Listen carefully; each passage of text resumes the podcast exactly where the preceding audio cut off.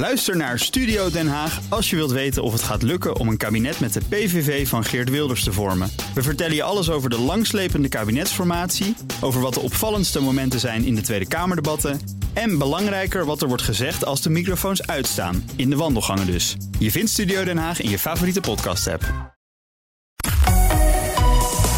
BNR Nieuwsradio. The Big Five. Art Rojakkers. Goedemorgen, fijn dat je luistert naar BNR's Big Five. Taal is een machtig middel. Daar kunnen onze leiders over meepraten. Over ieder woordje in verkiezingsprogramma's en coronapersconferenties wordt nagedacht. Taal is ook juist in deze tijd een manier om de werkelijkheid te ontvluchten. In romans, liedjes, een goed geplaatste grap.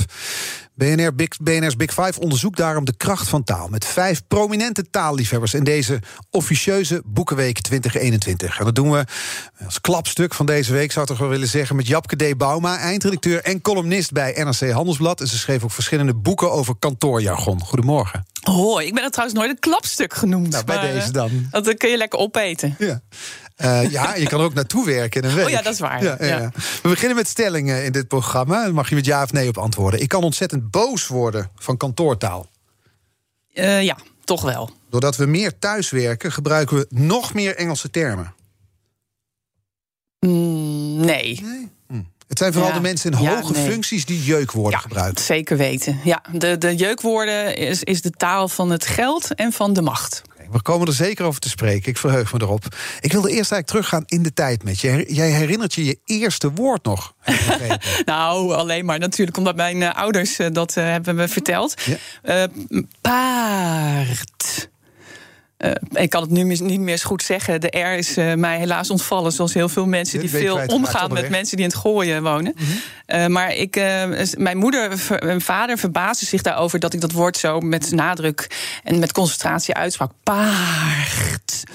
En was dat vanwege dier of vanwege de klank? Nou ja, dat, dat denk ik. Kijk, dat verhaal heb ik er natuurlijk zelf misschien bij verzonnen. Hè? Dat, dat ik het zo'n interessant woord vond om mee te oefenen. Of dat het me intrigeerde. Zelfs misschien toen al als baby, weet ik veel. Uh, maar uh, het is me bijgebleven omdat uh, mijn ouders dat altijd hebben verteld. als verschil met mijn zus, die gewoon meteen al. Agile riep. Agile, Agile vanuit de wieg. ja, uit, vanuit de wieg. dus ja, dat, dat is iets wat een soort verhaal is geworden. waar, waar, waardoor ik denk dat het misschien wel begonnen is. Ja, dat daar in zekere zin, misschien is het geromantiseerd, maar ergens de oorsprong van de fascinatie voor taal. Ja is begonnen? Nou ja, die fascinatie voor taal die, die komt denk ik vooral uh, doordat mijn uh, moeder is een Groningse, uh, geboren in de Veenkoloniën. mijn vader is een Fries. En wij spraken dus, als we naar de familie gingen, de ene keer Fries. Of tenminste, ik niet. Maar dat werd gesproken door de, door de broers en zus van mijn, van mijn vader. En door, door Beppe natuurlijk. Um, en als ik naar mijn uh, grootouders ging, is in Stadsknol, dan uh, spraken ze daar gewoon plat Gronings. Dus ik, dat is als kind realiseer je dat niet. Maar dat heeft ongetwijfeld een invloed gehad. Als je drie talen hoort om je heen. Uh, Gronings is natuurlijk geen taal, hè, voordat mensen weer gaan bellen niet, naar nog BNR. Niet. Nog niet, mensen. Um, maar uh, als je drie talen hoort, uh, Hollands, Nederlands, Gronings en Fries... dan krijg je daar ongetwijfeld natuurlijk een tik van mee. Ja. Dat kan niet anders. En die tik leidt uiteindelijk dus tot, volgens mij... een van de populairste rubrieken van de krant, van de NRC. jouw column over kantoortaal en gewoontes. Terwijl uh, je hebt al lang voor moeten lobbyen om die column voor te boksen. nou, iedereen wil, tenminste alle ijdele mensen, hè, uh, alle ijdele mensen in de journalistiek willen natuurlijk gewoon graag een column op een gegeven ook moment. Een poosje, ja. Hè, dat je dan uh, je, eigen, je eigen hoek hebt en je eigen plek waar je lekker mag schrijven wat je zelf wil. Waar ja. je ook een, een, band kan opbouwen met je, met je fans, met je publiek.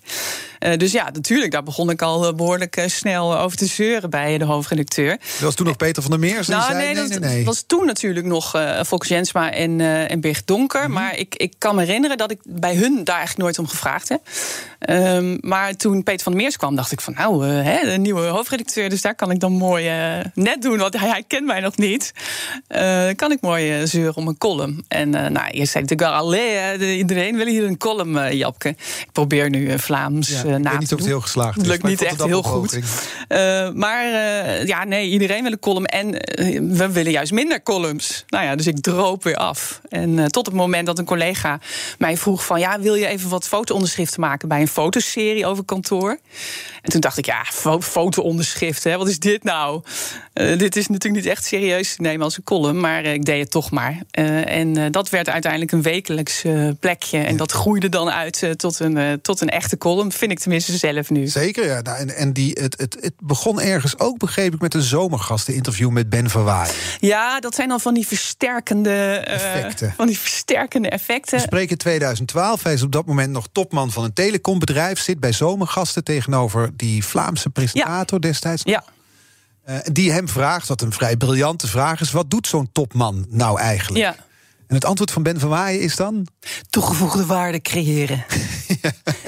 En toen dacht je, wat is dat? Nou, uh, ik was al heel erg bezig met dat soort jeukwoorden. Ik noemde het toen nog niet zo. Overigens is, heb ik die term niet gemunt hoor. Die term bestond al jeukwoorden. Uh, maar ik, ik, ik, had al met een aantal collega's hadden we de lol om dit soort verschrikkelijke persberichten die we dan natuurlijk bij NRC binnenkrijgen mm. over convenanten die moeten worden gesloten en kennisplatforms en, ja. projectkernteams en uh, nou ja, noem het allemaal maar op. Uh, innovatiebreed en uh, nou ja, noem maar op. En um, dat soort persberichten stuurden we dan naar elkaar. Was een groepje van, van redacteuren, uh, waaronder onder wie de chef van, huidige chef van de Haagse redactie, Guus Valk. en en dan moesten we daar heel erg om lachen om dat soort taal. dus daar was het al een klein beetje begonnen ongemerkt. En uh, toen, uh, um, weer, toen werd ik gevraagd om elke week een recensie te maken over uh, zomergasten. Ja. voor, de, voor de website nrc.nl.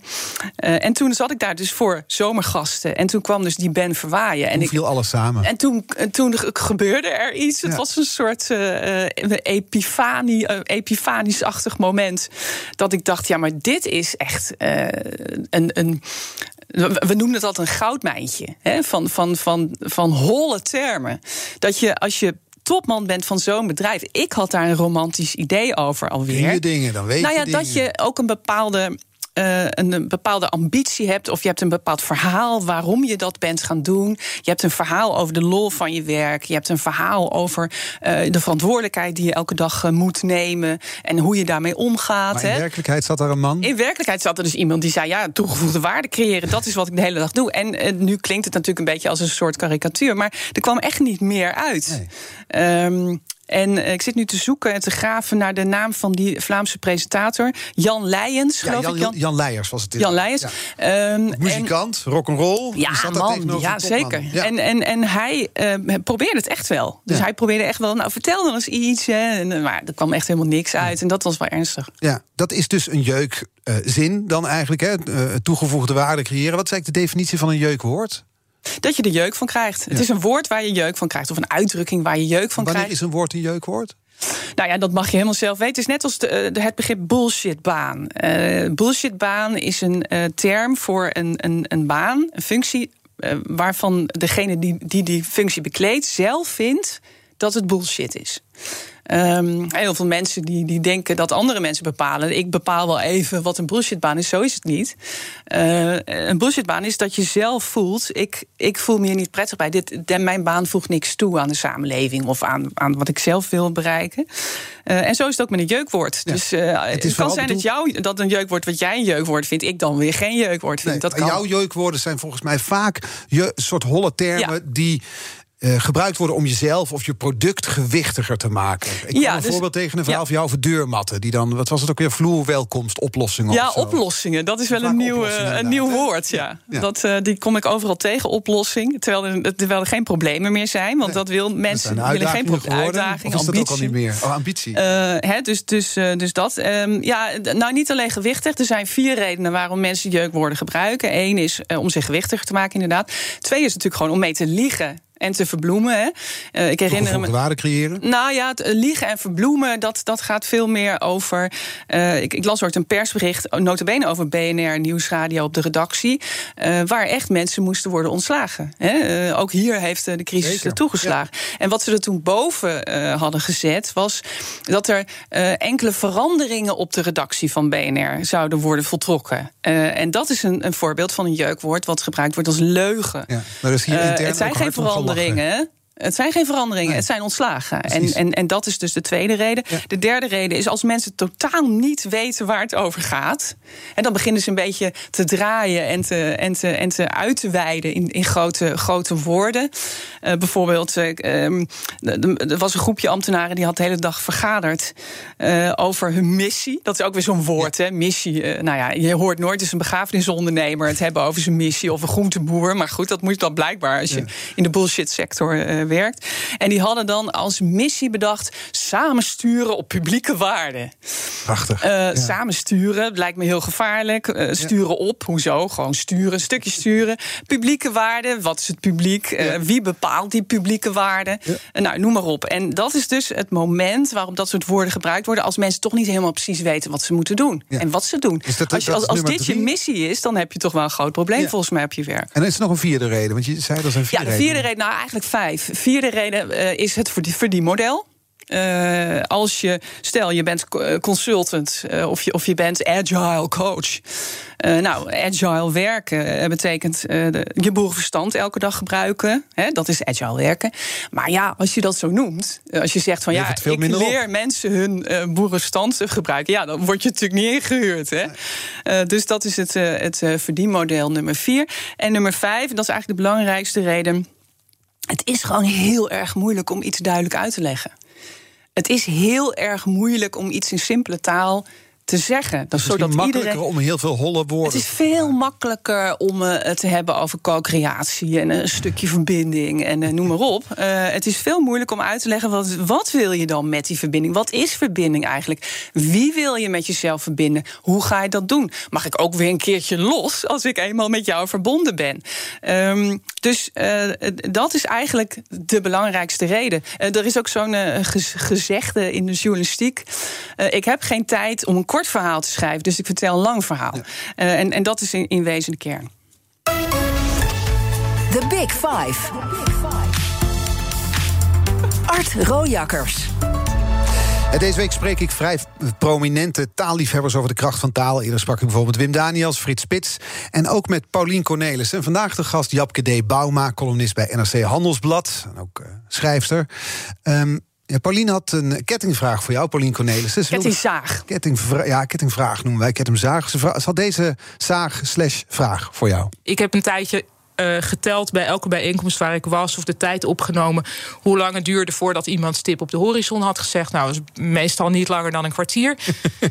um, en dat is natuurlijk nu al zo'n cliché geworden. Dat kan niet meer. En ik vraag me heel erg af wat nou de nieuwe stip op de horizon wordt. Dus wat is nu het ding wat je overal hoort en wat eigenlijk vrij walgelijk is, maar uh, waar je toch niet omheen kunt? De, de nieuwe incarnatie van de stip op de horizon. Ja, de stip op de horizon, dat is natuurlijk de, de koning der vaagheden, vage uh, kant opgaan. Hè. Uh, als je een, een, CEO die geen flauw idee heeft in de categorie ben verwaar, ik zeg het nu even onderbiedig, dan zegt hij: we gaan een stip op de horizon zetten. we hebben tegenwoordig de houtskoolschets. Dat is iets uh, totaal vaags, uh, waar dan iedereen iets over mag zeggen. Dus dit is, dus de, dat is de nieuwe term voor stip op de, uh, stip op de horizon. We, we, maken een houtskoolschets, met andere woorden, grove streken. Ja, joh, whatever. Hè, om het in goed Nederlands te zeggen, het maakt natuurlijk allemaal niet uit. Hè, we zetten wat op papier, dan hebben we maar wat op papier. Dat ja. hoor je ook heel vaak. Terwijl ik denk, ja, of je zet het gelijk goed op papier, of je zegt, nou, we weten het nog niet. laten we met z'n allen even daarover over gaan, gaan praten. Ook niet, niet met te veel mensen trouwens. Ik ben een enorme tegenstander van grote vergaderingen. Maar wat ik ook, uh, mijn lezers altijd attendeerden me daar laatst op, oplossingsrichting.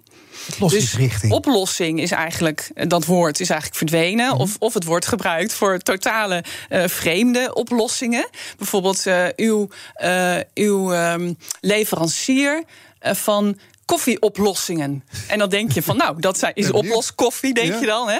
Uh, maar nee, uh, dat, zijn, dat is dat. Dus dat is een nieuw woord voor. Um, ja, dat, dat je op allerlei plekken koffie kan drinken. Op verschillende manieren koffie kan drinken. Maaltijdoplossingen zag ik laatst al bij de bij de Albert Heijn. Oh. Blijkbaar is het de maaltijd een probleem en, en moet er dan een oplossing gevonden ja, worden. Nou ja, dat. Uh, maar oplossingsrichting is dus nieuw in plaats van oplossing. Denkrichting uh, ben ik ook. Uh, en de allermooiste, om dan speciaal voor Paulien, de kijkrichting. Dus we hadden laatst had ik uh, mensen die hadden dan op een ontwerpdag ook zo heerlijk. Hè? Dat betekent dat je de hele dag met elkaar op de, op de in een vroeger dan eh, in een mooie hotellocatie zat. En dan kon je alles declareren. Hè? Dan een lekkere lunch en dat soort dingen. De ontwerpdag. En dan gaan we samen een kijkrichting formuleren. Dus we gaan dan die kant op kijken of zo. Het maakt ook niet uit wat we. Ja, we, we kijken er alleen maar naar. Ja. En we doen er verder niks mee. We maken een houtskoolschets. Ik, ik denk dat dat uh, de Word toekomst... jij veel gevraagd op dat soort bijeenkomsten, congressen, lezingen? Ja, nou ja, uh, dat is... Uh, ja... En, en ben je dan, hoe moet ik me dat voorstellen? Ben nou, je dan, word je ingehuurd als de hofnar? Of? Ja, als de hofnar. Nou, een beetje als de Joe van het Hek van vroeger. Hè? Want heel veel mensen oh, vinden ja. het ook heel lekker. Geschopte woorden. Ja, en uh, de buckler uh, is natuurlijk een heel goed voorbeeld daarvan. Uh, of of de, de, de, tijd dat hij nog heel, de hockey, het hockeypubliek ja. nadeed. de, hockey, de rode hockeybroeken vonden dat heel erg leuk. Dat is op die manier. dus jij komt nu op zo'n congres, daar zitten ja, zo'n bestuurder dus oplossingsrichtingen ja, te delen met zijn publiek. en te vertellen dat er agile gewerkt moet worden naar die stip op de horizon. En dan komt Japke de ja. podium op. wat, wat ik ook wel eens vroeg had, toen ik nog niet wat minder ervaring had, dan mocht ik zo'n congres ook wel eens kunnen. Um, maar daar ben ik mee opgehouden. Dan leg je alles lam. Niemand durft Dan leg je alles lam. En wat alle mensen die vervolgens na mij komen... Hè, met, hun, uh, met hun talentoplossingen of employee journeys... Die, die, nou, dat was echt best wel ernstig. Die werden dan congres. echt uitgelachen in de zaal. of dan gingen mensen roepen jeukwoord, weet je. Dus daar zijn ze mee opgehouden. Ik, ik ook, hoor. Dus als mensen dat voorstellen, zeg ik... nee, uh, laat me afsluiten of ik kom gewoon niet. Want ik ben vind je het ook comfortabel in die rol als hofnar? Of zit er, ja. zit er iets meer achter? Wil ik een beetje prikken?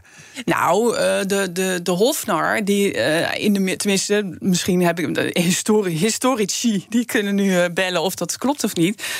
in mijn, in, in, in mijn gedachten en herinneringen en aan wat ik daarover geleerd heb, is een hofnar.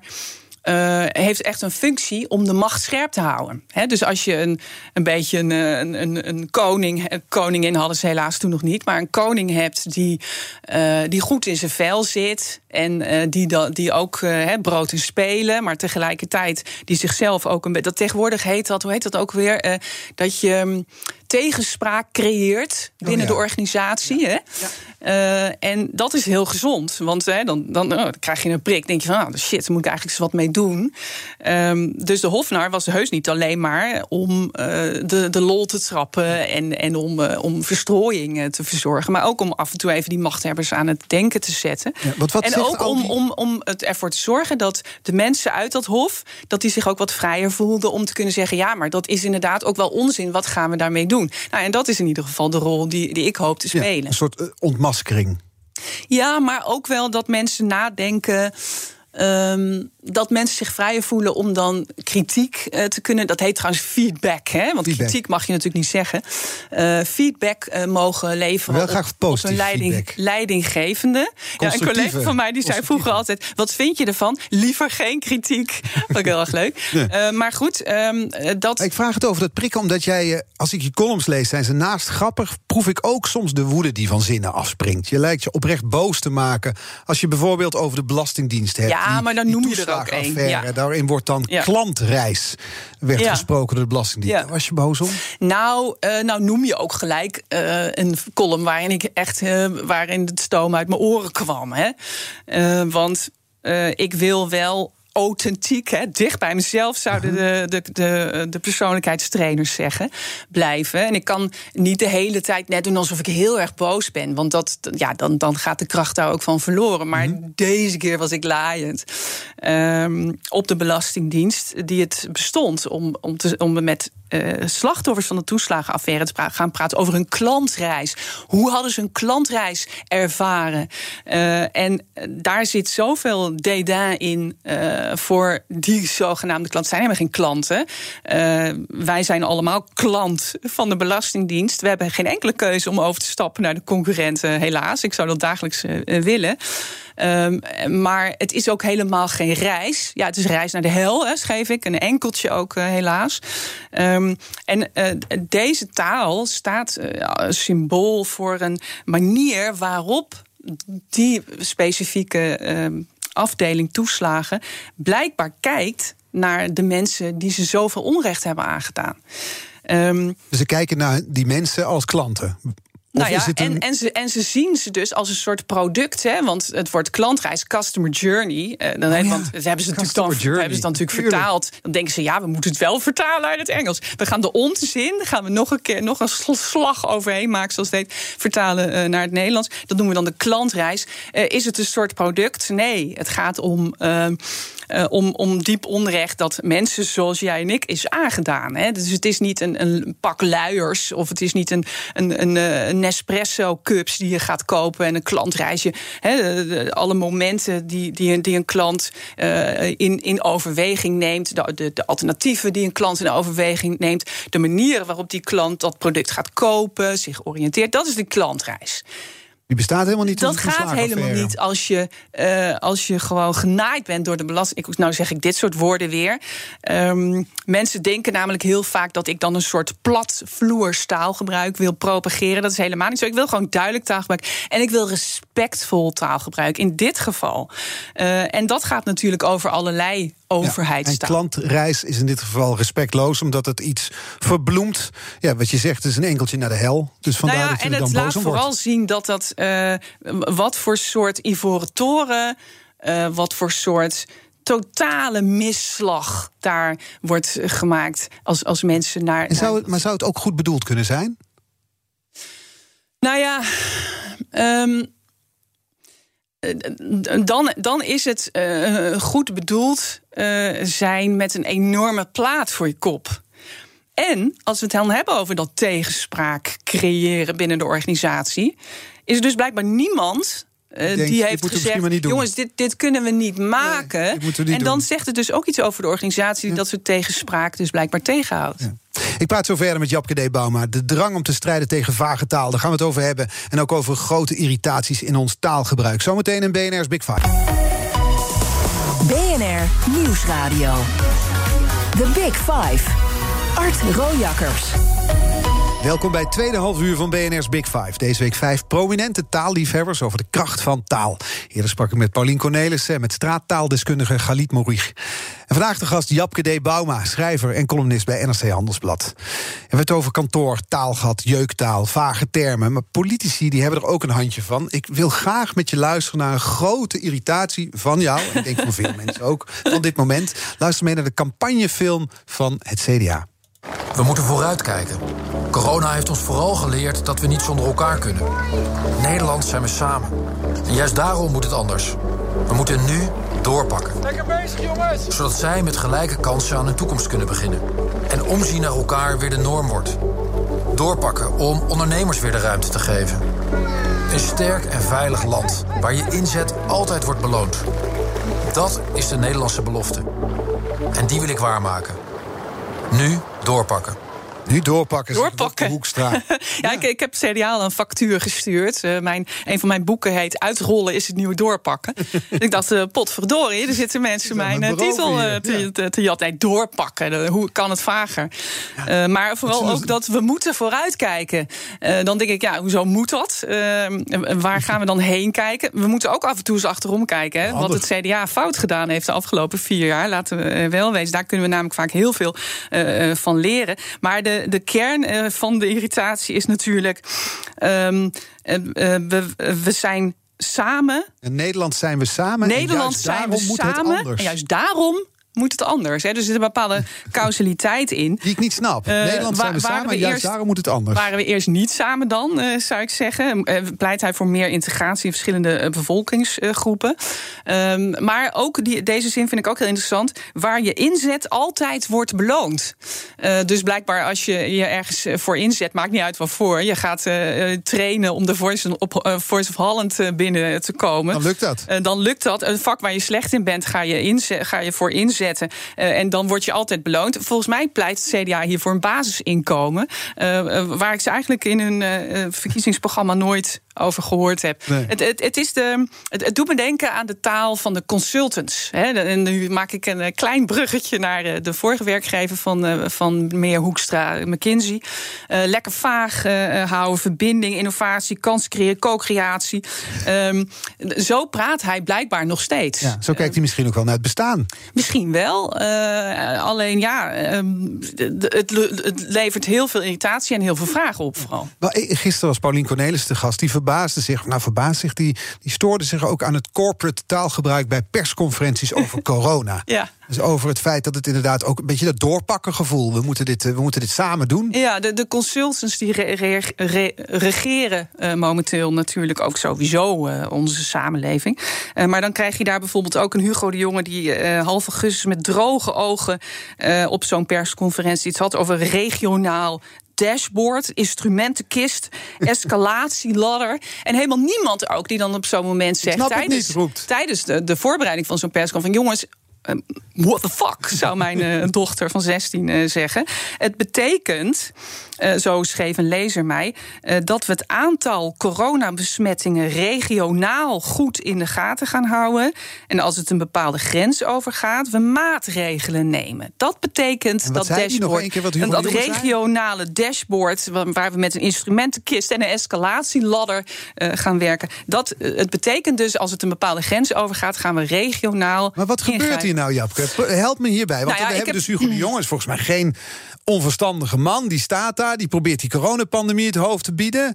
En dan is er een lezer van jou die vertaalt het. Dan begrijp ik het wel. Terwijl Ja, die hele opsomming ja. die uit zijn mond komt. Ik Ja. heb geen idee. Ja, nou het grappige, of het is helemaal niet grappig natuurlijk. Ik kijk die persconferenties niet meer. Eh, ik wacht wel even tot de collega's van RTL Nieuws. Het vertaald Of mijn eigen collega's van NRC eh, dat vertaald hebben.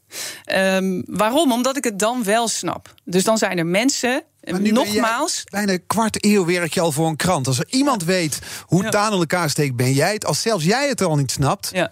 Ja. wie snapt het dan wel, die zit Ja. te kijken? Nou ja, ik hoop altijd dat het dus dat ook daar een rol speelt.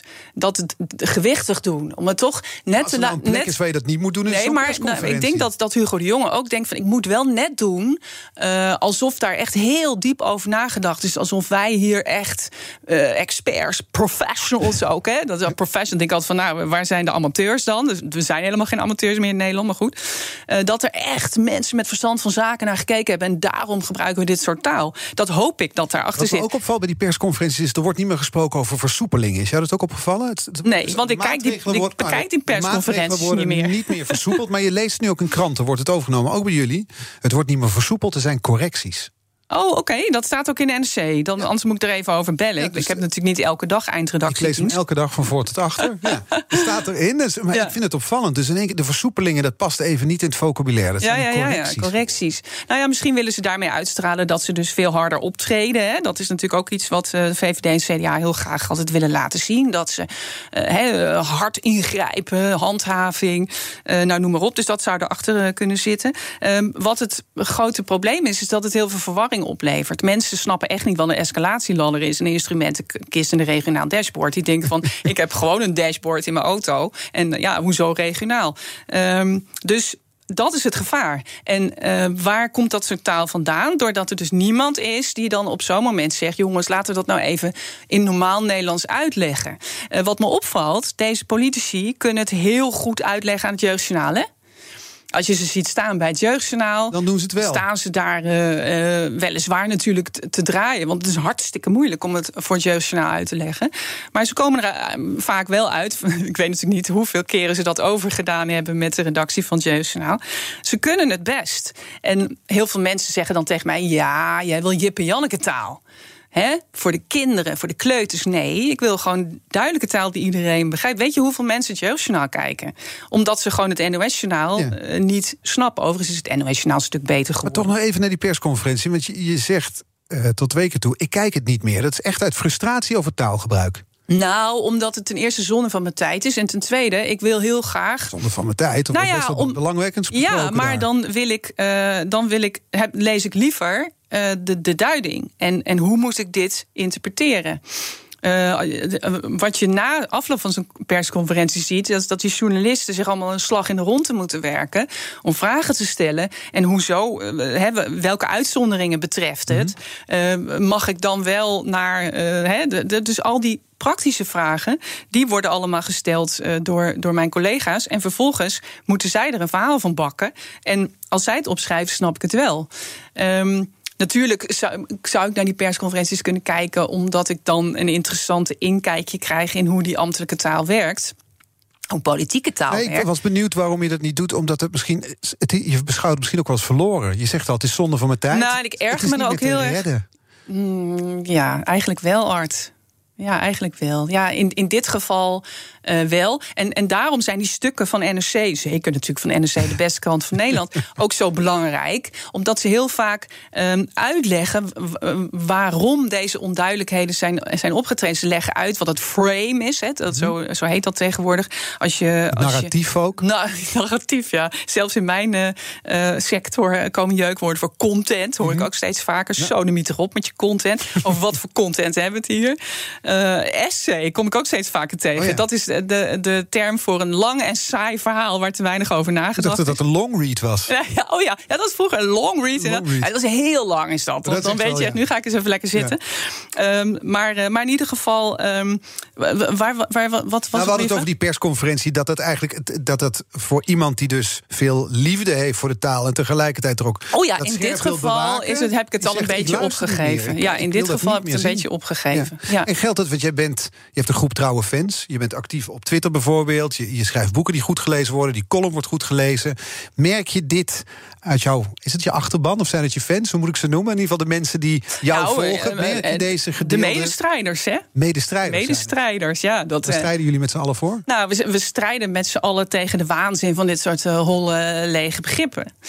Uh, en het zijn ook heel vaak, en dat moet ook niet onderschat worden, want het is natuurlijk heel vaak, ja, mensen van heb je haar weer met een gezeur over die holle termen, laat die mensen lekker. Maar het levert ook echt heel veel verwarring op en onduidelijkheid op de werkvloer. Heel veel mensen denken ook, ja, die mevrouw Bauma, eh, of mensen denken trouwens heel vaak dat ik een man ben. Dus de heer Bauma, die heeft zijn huiswerk niet gedaan, krijg ik dan vaak eh, van critici te horen. Heel veel mensen denken ook dat het een soort maniertje is of die wil alleen maar hakken. Nee, ik krijg soms ook echt hartverscheurende verhalen in mijn privé mailbox over mensen die gewoon echt totaal de weg kwijt zijn geraakt op hun werk. Omdat um, en dat komt dan door het taalgebruik. Nou ja, wat ik dus uh, heb een beetje met die persconferenties, hebben zij op hun werk. Ze snappen gewoon echt niet precies wat er van hun verwacht wordt. Uh, wat hun baas nou eigenlijk precies wil. Ze kunnen geen uh, verb stukje verbinding meer maken met, met, met hun manager. En, en, dan, en, maar heel veel mensen durven dat niet te zeggen op hun werk. Die durven niet tegen hun baas te zeggen zeker niet tegen de CEO. Van hé hey, joh, je kletst uit je nek. De, de, de keizer heeft geen kleren aan. En dan komen ze bij mij, uh, komen ze vragen: ja, wat betekent dat nou eigenlijk? Ik had ooit een keer op een congres iemand die, de, die zijn vinger opstak. En die zei van ja, ik moet van mijn baas Achiel werken. Wat is dat dan? En toen uh, gebeurde er iets heel naars. Toen werd hij uitgelachen. Ja, dat snap ik. Uh, Omdat om... al, iedereen spreekt dezelfde taal. Dus iedereen weet het moet agile zijn. Ja. Niemand weet wat het betekent. Niemand weet wat het betekent. Want toen heb ik het ook een beetje proberen terug te kaatsen. Van nou, leg, leg, laat maar iemand uitleggen wat agile werken is. Kreeg ik vervolgens twintig verschillende definities. Dus het is niet zo raar dat die man, die durft tenminste eerlijk te vragen. Ja, maar wat is het dan? En wat, wat houdt dat voor mij? In het dagelijks leven uh, op, op mijn werk in. Wat moet ik dan veranderen? ja. We gaan het er zo over hebben, nog meer over die Engelse termen. Ik wil het ook heel graag wat je hebben over een purpose hebben. Want dat is ook heel belangrijk bij bedrijven. Ook zo'n BNR, zo'n mooie radio. The Big Five. Art Rojakkers. Eh, oorspronkelijk het vuur ik na... vertellen, maar we stonden nog helemaal niet aan. Oh, we stonden nog helemaal niet aan. Sorry. over de taal. Ja. Het vuur na aan de schenen leggen. Een hele mooie uitdrukking. Heel veel mensen halen dat Nader na het vuur aan de schenen halen. Het is, maar het is oorspronkelijk het vuur, na, aan, de schenen, nou, leggen. Heel dichtbij. Precies.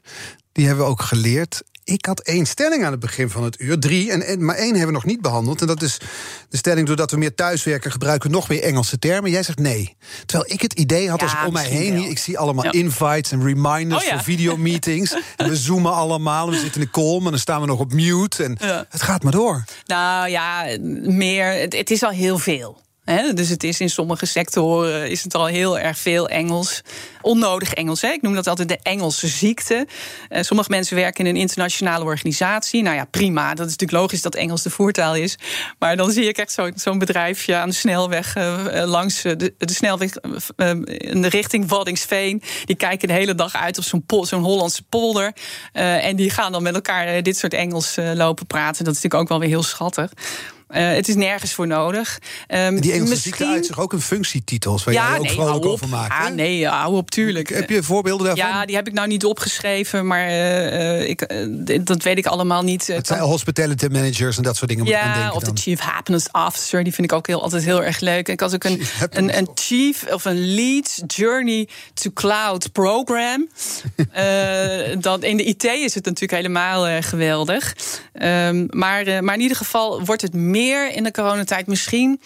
Uh, dat mensen op dit moment, omdat ze thuis zitten, natuurlijk nog meer behoefte hebben aan decorum. Hè?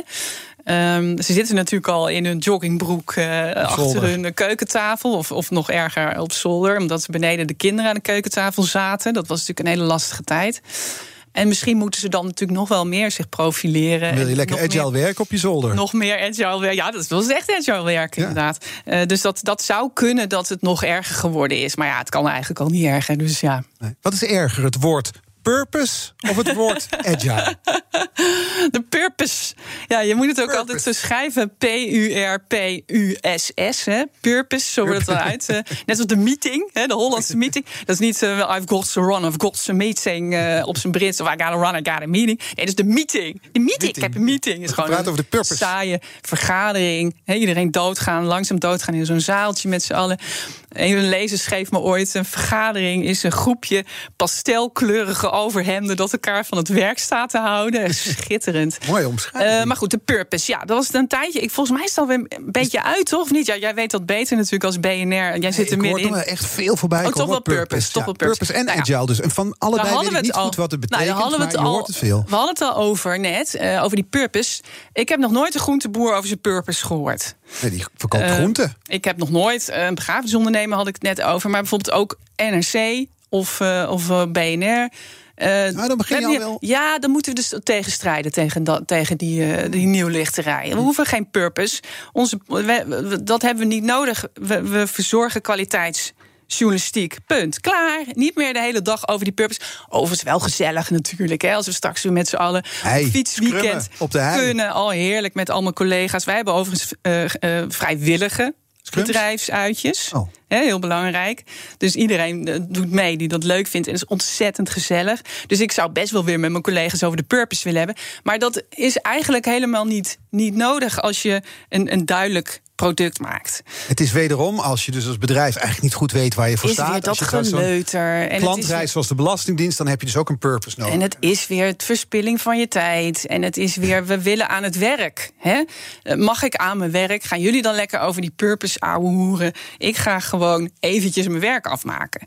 Net zoals die Zoom-vergaderingen waar men, teams het is volgens mij ook iets de hele dat dag je in soort. Zinnig, iets zinnigs wil doen of iets goeds wil doen. Dus dat je je werk meer is dan alleen werk. Je wil dat het ook nou ja, een functie heeft, dat het een doel heeft, misschien zelfs een hoger doel. Tuurlijk, dat, tuurlijk is dat heel, heel erg belangrijk. En, en dat is waar je ook de lol uit je werk uh, vandaan haalt. Maar moet je daar dan dus uh, dus maandenlang over verkoopt, dan, ja. dan wil je misschien die purpose misschien, duidelijk definiëren. Ja, en misschien kun je. Nou ja, nee. Want, meer dan iets waar mensen hun voet op vegen. Dat is een welkom voor de klant. Ja, maar waarom heb ik dan? Waarom is dat dan weer zo'n modeterm? He, dus waarom hebben we dan bijvoorbeeld niet 30 jaar geleden de hele dag over die purpose gehad? Nu is het dan blijkbaar ineens heel belangrijk dat we een purpose hebben. Hoe hebben we dat dan tot, tot die tijd gered? Zeg ik ook heel vaak. Toen hadden we geen purpose. Hoe zijn we hier gekomen? Precies. Hoe, hoe hebben we toen dan uh, onze, onze hoe hebben we zonder agile werken? Hoe kwam er überhaupt iets tot stand in het land? Um, dus ja, het is hartstikke leuk om, om er af en toe over te, over te hebben. Maar ga het niet verheffen tot, tot een soort. Zonder dat we daar maanden over hebben vergaderd, kunnen we uh, geen geld verdienen of kunnen we niet prettig met elkaar samenwerken. Een heel belangrijk punt dat wij hier moeten bespreken met z'n tweeën. Dat kwam gisteren ook ter sprake en volgens mij lopen jullie werelden hier uiteen, die van Paulien Cornelis en jou. We hadden het over verkleinwoordjes. Oh ja. Verkleinwoordjes in de Nederlandse taal. Een stukje gezelligheid. We gaan een wijntje drinken op het terrasje in een leuk dorpje. En met Ja. mijn vriendinnetjes. Dat idee. Volgens Paulien Cornelissen, de gast van gisteren, uitzendings terug te luisteren trouwens, op de BNR-app en op de site, hebben die verkleinwoorden een functie. Het maakt het gezelliger, sfeer wat informeler. Jij krijgt er jeuk van. Nou, eh, dat is zeker waar. Hè? Dat, dat dat een functie kan zijn. Eh, maar ik hoor mannen zelden dit soort taal gebruiken. Hè, dus ik hoor zelden eh, mannen zeggen. Oh, dat was trouwens zo grappig. Ik stond in de zomer bij de, bij de Albert Heijn. En eh, ik, ik woon in een eh, plek waar veel studentenhuizen zijn. Eh, de Al- Albert Heijn, die staat daar. En toen hoorde ik achter hem zeggen: Hé, hey, Christine, doen wij vanavond een rozeetje kleedje? Of. eh, en, Rozeetje een rozeetje kleedje. En misschien zeggen mannen dat, mannelijke studenten, dan doen misschien een biertje, nou ik weet niet wat er op biertje rijmt. Eh, hè, dus dat zou kunnen dat mannen dat ook doen. Maar het valt me op dat vooral vrouwen daar blijkbaar die behoefte aan hebben. Hè? Om, omdat eh, vrouwen die noemen man mannetje. Mijn mannetje komt zo thuis. Hè? En dan denk ik altijd, nou, er komt een reu of een, of een zilverrug. Die komt dan, hè? Dus zoals in zo'n natuurfilm. Het mannetje, eh, hè? Die, die is, weet ik veel, hè? nou ja, dat. Eh, en dan blijkt het gewoon een vent te zijn van 1,95 meter. Een pastelkleurig die net kilo, is het, ja, eh, 100 kilo. Mythe over een purpose. Dus eh, tuurlijk zou het ongetwijfeld, het geeft iets gezelligs. Het geeft trouwens heel veel mensen heel veel jeuk. Hè? de verkleinwoordjes. Toen ik over die verkleinwoordjes eh, schreef. Ik heb natuurlijk al die thema's. Iedereen hè, heeft dan die ergernissen. Dit is er één van. Toen ik daarover schreef, kreeg ik ook wel echt weer een bom aan, aan reacties. ja, wat krijg je dan zoal terug? Waar, Nou, waar er, mensen ergen zich eraan. Vooral in de horeca.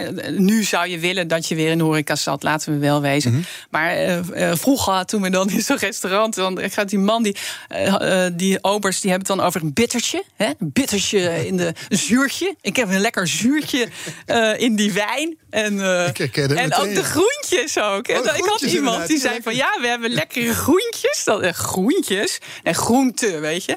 Nou ja, nee, dus minder mensen ergeren zich daar eh, ook aan. Overigens, het is ook Maar als heerlijk. straks de horeca open gaat, dan drink jij niet lekker een wijntje met een vriendinnetje op een terrasje. Natuurlijk. Alleen.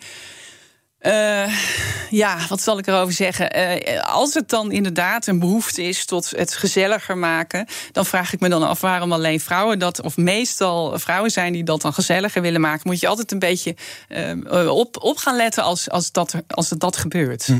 Ja. Ja, dat heeft misschien met, daar hadden we het gisteren met Pauline ook over backchanneling, over de manier waarop je met elkaar Backchanneling? Ja, Oh man. ja prachtig Is dat woord. iets anders? Kwam, kwam Wat is van het? eh, Paulien. Nou, dat je eigenlijk op het moment dat jij praat, dat, dat doen vrouwen meer dan mannen blijkbaar, een soort bevestigende Ja, een soort spiegelen. feedback geeft, zodat jij denkt, oh ja, we, we begrijpen elkaar. Ja, ja. We hebben een probleem. We hebben nog maar de tijd. Oh. Terwijl ik wel drie uur met Oh, je door kan nou. praten. Ja, Jeetje, zeker jammer. nu al. En, ja, precies. En we hebben die kettingvraag die we die even moeten afhandelen. ja. Want Ja. mor- eh, morgen moet je wij horen. Volgende week begint Diana Matroos, mijn collega, aan de Big Five van de Kamervoorzitters. Ja. Ze trapt maandag af met voormalig Tweede Kamervoorzitter Gerdy Verbeet. Ja. Wat zou je haar willen vragen? Eh, ik vraag me af eh, waarom in dit land capabele Kamervoorzitters als Gerdy Verbeet en Kadisha Ariep geen premier worden eh, of zich eh, lijsttrekker eh, als, als, als lijsttrekker opwerpen van hun partij. Want ik heb daar dus heel veel behoefte aan. We gaan het er eh, voorleggen, tenminste. Dat gaat Diana Matroos doen en BNR's Big Five van de Kamervoorzitters. Dankjewel, Japke D. Bauma, columnist en eindredacteur bij NRC. Mag ik iets tegen je aanhouden, is je laatste boek toch, of niet? Eh, nou, hoe vind je zelf dat het gaat? Oh, die, ja. maar eh, mag iets tegen je aanhouden, mag ook. Dat is ook een topper. Ehm, eh, deze aflevering van BNR's Big Five is terug te luisteren. De hele week is terug te luisteren. Podcast is te vinden in de BNR-app en op bnr.nl. Nu hier BNR breekt. Nina van den Dungen. Fijn weekend. Bij BNR ben je altijd als eerste op de hoogte van het laatste nieuws. Luister dagelijks live via internet. Bas van Werven. En heel langzaam komt de zon op rond dit tijdstip. Je krijgt inzicht in de dag die komt op BNR, het Binnenhof in Nederland en de rest van de wereld. De Ochtendspits. Voor de beste start van je werkdag. Blijf scherp en mis niets.